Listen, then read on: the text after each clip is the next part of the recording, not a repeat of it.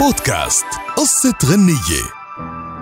قصة أغنية اليوم هي للسيدة فيروز واللي بتحمل عنوان كيفك أنت.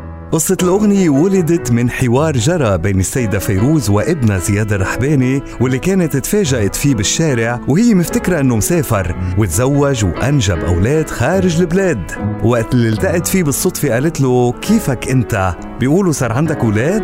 كنوع من العتاب لأنه كان عارف بأنه فيروز ما كانت راضية عن زوجته فأعجب زياد بهالكلمات التلقائية وكتب على غرارة كلمات هالأغنية. وقت اللي عرضها على السيدة فيروز بالبداية استغربت وخاصة من جملة ملا أنت فترك لها زياد الأغنية لتسمعها وتقرر. في فرق لأنه الكاسات أبطأ بكون مشان نفس الطبق وأخذت فيروز أربع سنوات لحتى وافقت إنه تغنيها. وبعد ما غنتها حققت انتشار كاسح مازال حتى اليوم.